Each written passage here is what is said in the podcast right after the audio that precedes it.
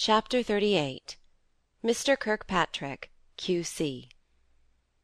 Cynthia was always the same with Molly kind, sweet tempered, ready to help, professing a great deal of love for her, and probably feeling as much as she did for any one in the world.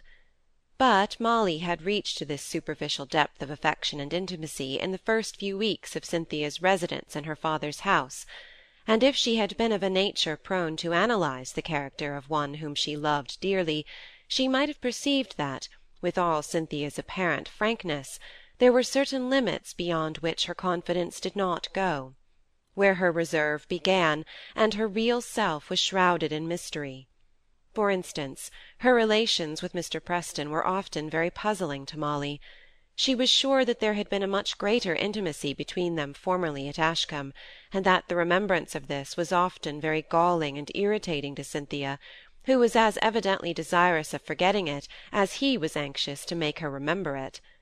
But why this intimacy had ceased, why Cynthia disliked him so extremely now, and many other unexplained circumstances connected with these two facts, were Cynthia's secrets and she effectually baffled all Molly's innocent attempts during the first glow of her friendship for Cynthia to learn the girlish antecedents of her companion's life. Every now and then Molly came to a dead wall, beyond which she could not pass, at least with the delicate instruments which were all she chose to use. Perhaps Cynthia might have told all there was to tell to a more forcible curiosity which knew how to improve every slip of the tongue and every fit of temper to its own gratification.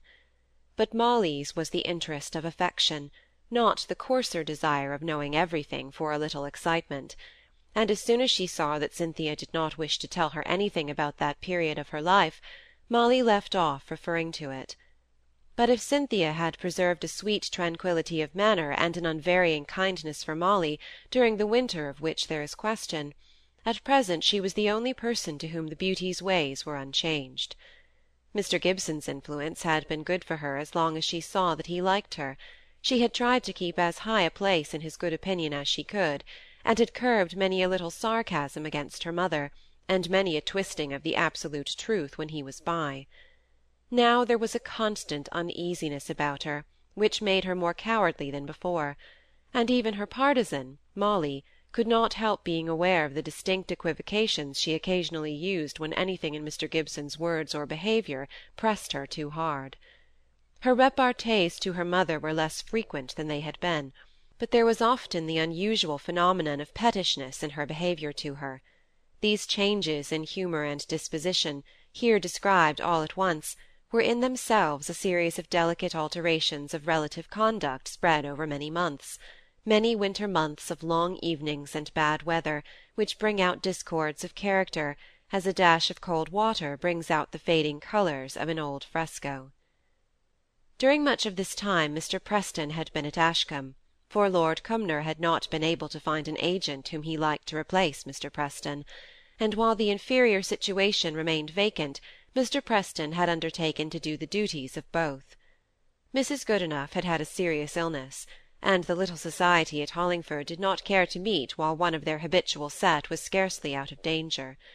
So there had been very little visiting, and though Miss Browning said that the absence of the temptations of society was very agreeable to cultivated minds, after the dissipations of the previous autumn, when there were parties every week to welcome Mr. Preston, yet Miss Phoebe let out in confidence that she and her sister had fallen into the habit of going to bed at nine o'clock for they found cribbage night after night, from five o'clock till ten, rather too much of a good thing. To tell the truth, that winter, if peaceful, was monotonous in Hollingford, and the whole circle of gentility there was delighted to be stirred up in March by the intelligence that Mr. Kirkpatrick, the newly made Q.C., was coming on a visit for a couple of days to his sister-in-law, Mrs. Gibson. Mrs. Goodenough's room was the very centre of gossip; gossip had been her daily bread through her life; gossip was meat and wine to her now. "Dear ah me!" Said the old lady, rousing herself so as to sit upright in her easy-chair, and propping herself with her hands on the arms. "Who would have thought she'd such grand relations? Why, Mr. Ashton told me once that a Queen's Counsel was as like to be a judge as a kitten is like to be a cat and to think of her being as good as a sister to a judge! I saw one once, and I know I thought as I shouldn't wish for a better winter cloak than his old robes would make me, if I could only find out where I could get 'em second hand; and I know she'd her silk gowns turned and dyed and cleaned, for aught I know, turned again, while she lived at Ashcombe. Keeping a school, too, and so near akin to this Queen's Counsel all the time. Well, to be sure, it wasn't much of a school, only ten young ladies at the best of times, so perhaps he never heard of it. "I've been wondering what they'll give him to dinner," said Miss Browning. "It is an unlucky time for visitors; no game to be had, and lamb so late this year, and chicken hardly to be had for love or money." "He'll have to put up with calf's head, that he will," said Mrs. Goodenough solemnly. If I'd ha' got my usual health, I'd copy out a receipt of my grandmother's for a rolled calf's head, and send it to Mrs. Gibson. The doctor has been very kind to me all through this illness. I wish my daughter in Combermere would send me some autumn chickens. I'd pass 'em on to the doctor, that I would. But she's been a killing of 'em all, and sending them to me, and the last she sent she wrote me word was the last. I wonder if they'll give a party for him, suggested Miss Phoebe. I should like to see a Queen's Counsel for one in my life. I have seen javelin men, but that's the greatest thing in the legal line I ever came across. They'll ask Mr. Ashton, of course, said Miss Browning. The three black graces, law, physic, and divinity, as the song calls 'em. Whenever there's a second course, there's always the clergyman of the parish invited in any family of gentility. I wonder if he's married, said Mrs. Goodenough. Miss Phoebe had been feeling the same wonder, but had not thought it maidenly to express it even to her sister, who was the source of knowledge, having met Mrs. Gibson in the street on her way to Mrs. Goodenough's. Yes, he's married, and must have several children, for Mrs. Gibson said that Cynthia Kirkpatrick had paid them a visit in London, to have lessons with her cousins; and she said that his wife was a most accomplished woman, and of good family, though she brought him no fortune. It's a very creditable connection, I'm sure. It's only a wonder to me as how we've heard so little talk of it before," said Mrs. Goodenough. "At the first look of the thing I shouldn't have thought Mrs. Gibson was one to hide away her fine relations under a bushel; indeed, for that matter, we're all of us fond of turning the best breadth of the gown to the front. I remember, speaking of breadths, how I've undone my skirts many a time and oft to put a stain or a grease spot next to poor Mr. Goodenough. He'd a soft kind of heart when first we was married, and he said, says he, Patty, link thy right arm unto my left one, then thou'lt be nearer to my heart. And so he kept up the habit, when poor man he'd a deal more to think on than romancing on which side his heart lay. So as I said, I always put my damaged breadths on the right hand, and when we walked arm in arm, as we always did, no one was ever the wiser. I should not be surprised if he invited Cynthia to pay him another visit in London, said Miss Browning. If he did it when he was poor, he's twenty times more likely to do it now he's a Queen's Counsel. Ay, work it by the rule of three, and she stands a good chance. I only hope it won't turn her head, going up visiting in London at her age. Why, I was fifty before I ever went. But she has been in France. She's quite a travelled young lady, said Miss Phoebe. Mrs. Goodenough shook her head for a whole minute before she gave vent to her opinion. It's a risk, said she, a great risk.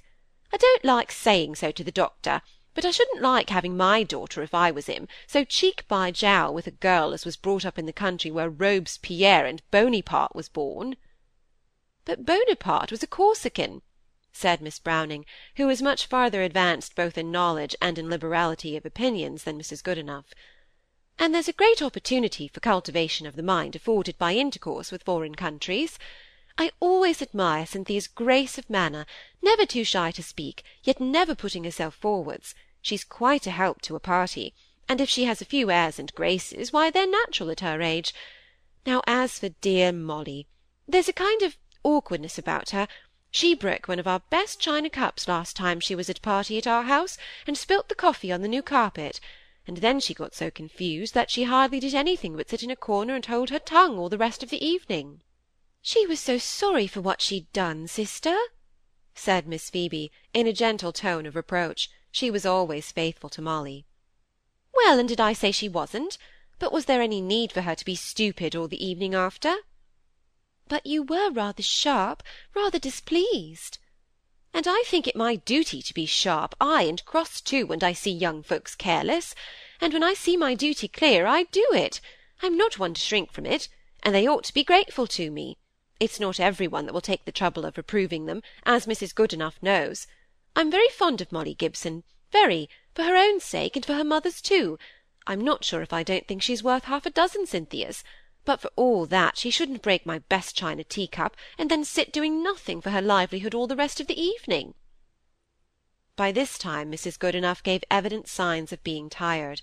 Molly's misdemeanours and Miss Browning's broken teacup were not as exciting subjects of conversation as Mrs. Gibson's newly discovered good luck in having a successful London lawyer for a relation. Mr. Kirkpatrick had been, like many other men, struggling on in his profession, and encumbered with a large family of his own. He was ready to do a good turn for his connections, if it occasioned him no loss of time, and if, which was perhaps a primary condition, he remembered their existence. Cynthia's visit to Doughty Street nine or ten years ago had not made much impression upon him, after he had once suggested its feasibility to his good-natured wife. He was even rather startled every now and then by the appearance of a pretty little girl amongst his own children, as they trooped in to dessert, and he had to remind himself who she was but as it was his custom to leave the table almost immediately and to retreat into a small back room called his study, to immerse himself in papers for the rest of the evening, the child had not made much impression upon him. And probably the next time he remembered her existence was when mrs kirkpatrick wrote to him to beg him to receive cynthia for a night on her way to school at boulogne. The same request was repeated on her return but it so happened that he had not seen her either time, and only dimly remembered some remarks which his wife had made on one of those occasions, that it seemed to her rather hazardous to send so young a girl on so long a journey without making more provision for her safety than Mrs. Kirkpatrick had done. He knew that his wife would fill up all deficiencies in this respect as if Cynthia had been her own daughter, and thought no more about her until he received an invitation to attend Mrs. Kirkpatrick's wedding with Mr. Gibson, the highly esteemed surgeon of Hollingford, etc., etc., an attention which irritated instead of pleasing him. Does the woman think I have nothing to do but run about the country in search of brides and bridegrooms, when this great case of Houghton v. Houghton is coming on, and I haven't a moment to spare? he asked of his wife. Perhaps she never heard of it, suggested Mrs. Kirkpatrick.